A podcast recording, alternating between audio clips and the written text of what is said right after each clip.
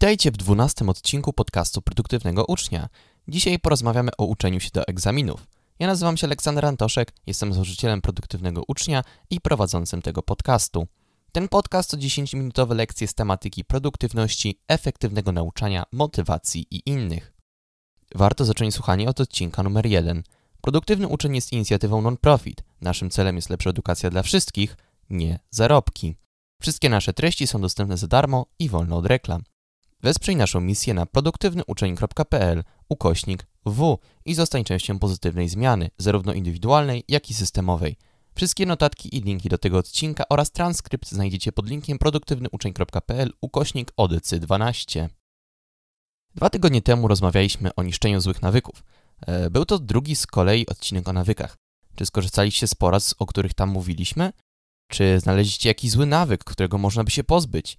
Serdecznie Was zachęcamy do pracowania nad swoimi nawykami, bo jest to jedna z najlepszych rzeczy, które można dla siebie zrobić. Przygotowywanie się do egzaminów e, oraz ogólnie efektywne zapamiętywanie to bardzo rozległe i skomplikowane tematy. Zbudowanie odpowiedniego systemu i odpowiednich nawyków wspomagających efektywne uczenie się zajmuje sporo czasu i praktyki. Dlatego zdecydowaliśmy się ten dość spory temat podzielić na dwa odcinki. Dziś porozmawiamy o dwóch aspektach nauki do egzaminów, czyli planowaniu i rozumieniu. Natomiast za dwa tygodnie w kolejnym odcinku skupimy się na zapamiętywaniu i sprawdzaniu.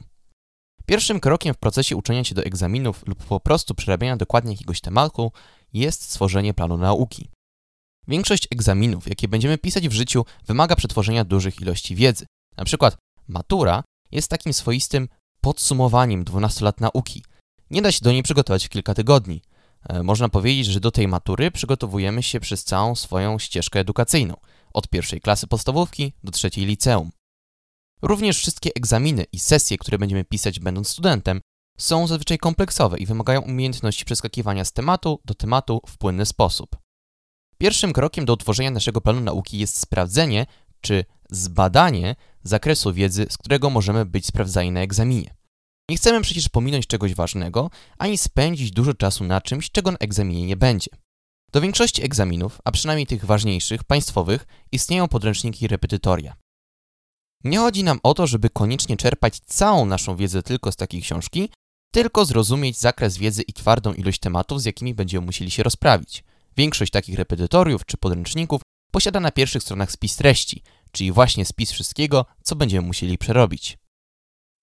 Przypiszmy sobie ten spis do swojego zeszytu, aplikacji komputerowej lub arkusza kalkulacyjnego. Szczerze mówiąc, najlepiej jeśli od razu trafi to do arkusza, bo będziemy później korzystać z arkuszy przy zapamiętywaniu i sprawdzaniu. Po przepisaniu zakresu wiedzy do swojego systemu, zastanówmy się dokładnie nad tym, ile mamy czasu na przygotowanie się do egzaminu. Miesiąc, trzy, może rok, e, może tylko kilka tygodni. W zależności od tego, ile mamy czasu i te, ile tematów, rozpiszmy sobie taki harmonogram nauki.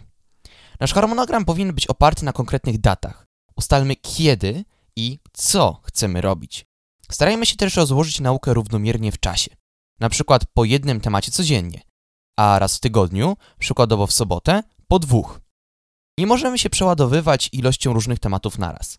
Łatwiej jest pochylić się nad tematem, z którym już się zapoznaliśmy, niż przeskakiwać do kompletnie nowych nieznanych. Też najlepiej zaczynać od tych bardziej ogólnych, a kończyć na bardziej szczegółowych. Jednym z fajnych rozwiązań jest po prostu wrzucenie sobie takiego harmonogramu do swojego kalendarza. Na przykład w kalendarzu Google możemy sobie utworzyć osobny kalendarz zatytułowany Przygotowanie i wpisać w nim konkretne tematy w konkretne daty. Dzięki temu za każdym razem, gdy będziemy zaglądać do naszego kalendarza, będziemy wiedzieć, gdzie stoimy z nauką i co na nas czeka za rogiem.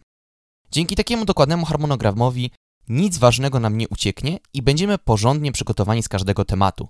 Oczywiście to, ile z tej wiedzy będziemy w stanie wykorzystać na egzaminie, zależy od kolejnych kroków, czyli rozumienia, zapamiętywania i sprawdzania.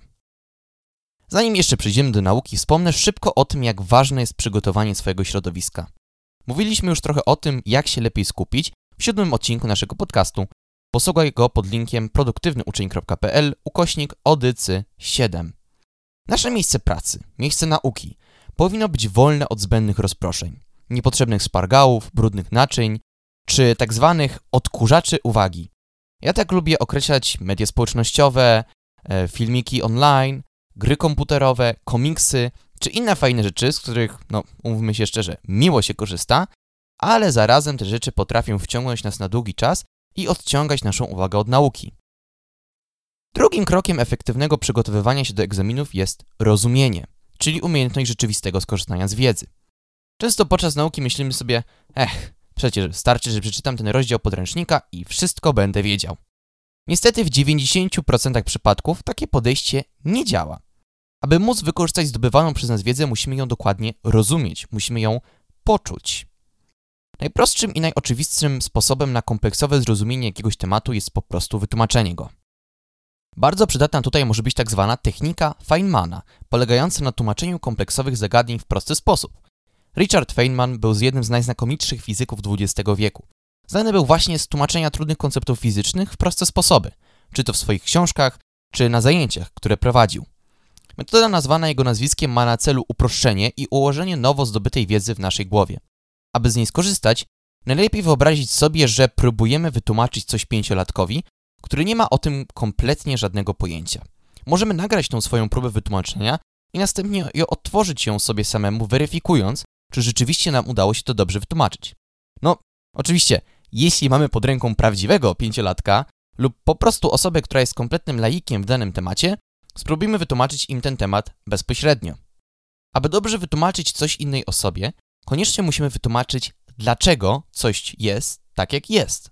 Nawet jeśli nasz temat jest bardzo specyficzny, to wciąż powinniśmy umieć wytłumaczyć w kilku zdaniach, dlaczego on istnieje osobie, która nie ma żadnego pojęcia o nim. Co prawda, o zapamiętywaniu oraz sprawdzaniu naszej wiedzy będziemy rozmawiać dopiero za dwa tygodnie, ale już teraz wspomnę o pewnej świętej zasadzie. Jeśli jesteś w stanie zaraz po przeczytaniu o jakimś nowym temacie zamknąć swoje notatki i podręcznik oraz wytłumaczyć go kompletnie swoimi słowami, to najprawdopodobniej już ten temat rozumiesz. Możecie pomyśleć, przecież zaraz po przeczytaniu mogę po prostu odtworzyć informacje z pamięci krótkotrwałej i wcale nie nauczyć się tych informacji. Na to odpowiem tak. Jeśli opiszecie temat w taki sam sposób jak w książce, to rzeczywiście, no nie nauczyliście się go jeszcze. Jeśli jednak będziecie w stanie opowiedzieć o nim w innej kolejności, korzystając z innych słów, korzystając z kreatywnych analogii, to najprawdopodobniej już się go nauczyliście. Jednym zdaniem, gdy jesteśmy w stanie przekładać i zmieniać formułę informacji w swojej własnej głowie, to jesteśmy już dobrze z nimi zapoznani. Na końcu drugiego kroku, czyli rozumienia, wspomnę o notatkach. O notatkach już mówiliśmy głębiej w szóstym odcinku podcastu, którego możecie posłać pod adresem produktywnyuczeń.pl ukośnik odycy 6. Podczas robienia notatek na lekcji, wykładzie czy w trakcie czytania podręcznika powinniśmy raz na jakiś czas zatrzymywać się i pisać krótkie podsumowanie danego tematu. Oprócz po prostu zapisywania tego, o czym mówi prowadzący, piszmy w osobnym miejscu. To może być na drugiej kartce, na marginesie, na dole strony. Takie jedno, jednozdaniowe podsumowanie ostatnich kilku informacji. Możemy je zapisywać w formie stwierdzeń, pytań, słów kluczowych czy nawet rysunków. Chodzi o to, żebyśmy ciągle zadawali sobie pytania. Czego się właśnie dowiedziałem? Dlaczego to jest ważne? W jaki sposób to się łączy z innymi tematami? Jeśli coś przegapiliśmy podczas wykładu czy lekcji, albo czegoś po prostu nie do końca rozumiemy, podejdźmy do prowadzącego zaraz po zakończeniu i dopytajmy się. Póki jeszcze temat jest dla nas świeży. Przez takie ciągłe doszlifowywanie wiedzy znacznie przyspieszamy proces rozumienia. Jeśli już podczas pierwszego kontaktu z nowymi informacjami będziemy się starali je w pełni zrozumieć, będzie nam znacznie łatwiej zapamiętywać i sprawdzać je później. Zdanie na dzisiaj. Nawet jeśli nie macie żadnego nadchodzącego egzaminu w nadchodzącym czasie, spróbujcie wykorzystać rozwiązania, o których dzisiaj mówiliśmy, przy jakiejkolwiek nauce. Czy to zwykłemu robieniu zadań, czy uczeniu się jakiegoś hobby, nie wiem, graniu na instrumencie, czy programowaniu. Ustrukturyzowane i aktywne zdobywanie wiedzy jest przydatne zawsze i wszędzie, nie tylko przy pisaniu egzaminów. Podsumowując, pierwszymi dwoma krokami konstruktywnego i efektywnego zdobywania nowej wiedzy są planowanie i rozumienie. Planowanie pozwala nam zdobyć odpowiednią, długoterminową perspektywę oraz podzielić sporą ilością wiedzy na mniejsze kawałki, a rozumienie upewnia się, że wiedza, którą zdobywamy, będzie dla nas realnie użyteczna i będziemy w stanie z niej korzystać w każdej sytuacji. Serdecznie Was zachęcamy do zaglądnięcia do notatek do tego odcinka. Są one dostępne pod adresem produktywnyuczeń.pl ukośnik odcinek 12. Znajdziecie tam przydatne linki związane z dzisiejszym tematem oraz transkrypt tego odcinka. Dzięki za słuchanie i do usłyszenia za dwa tygodnie.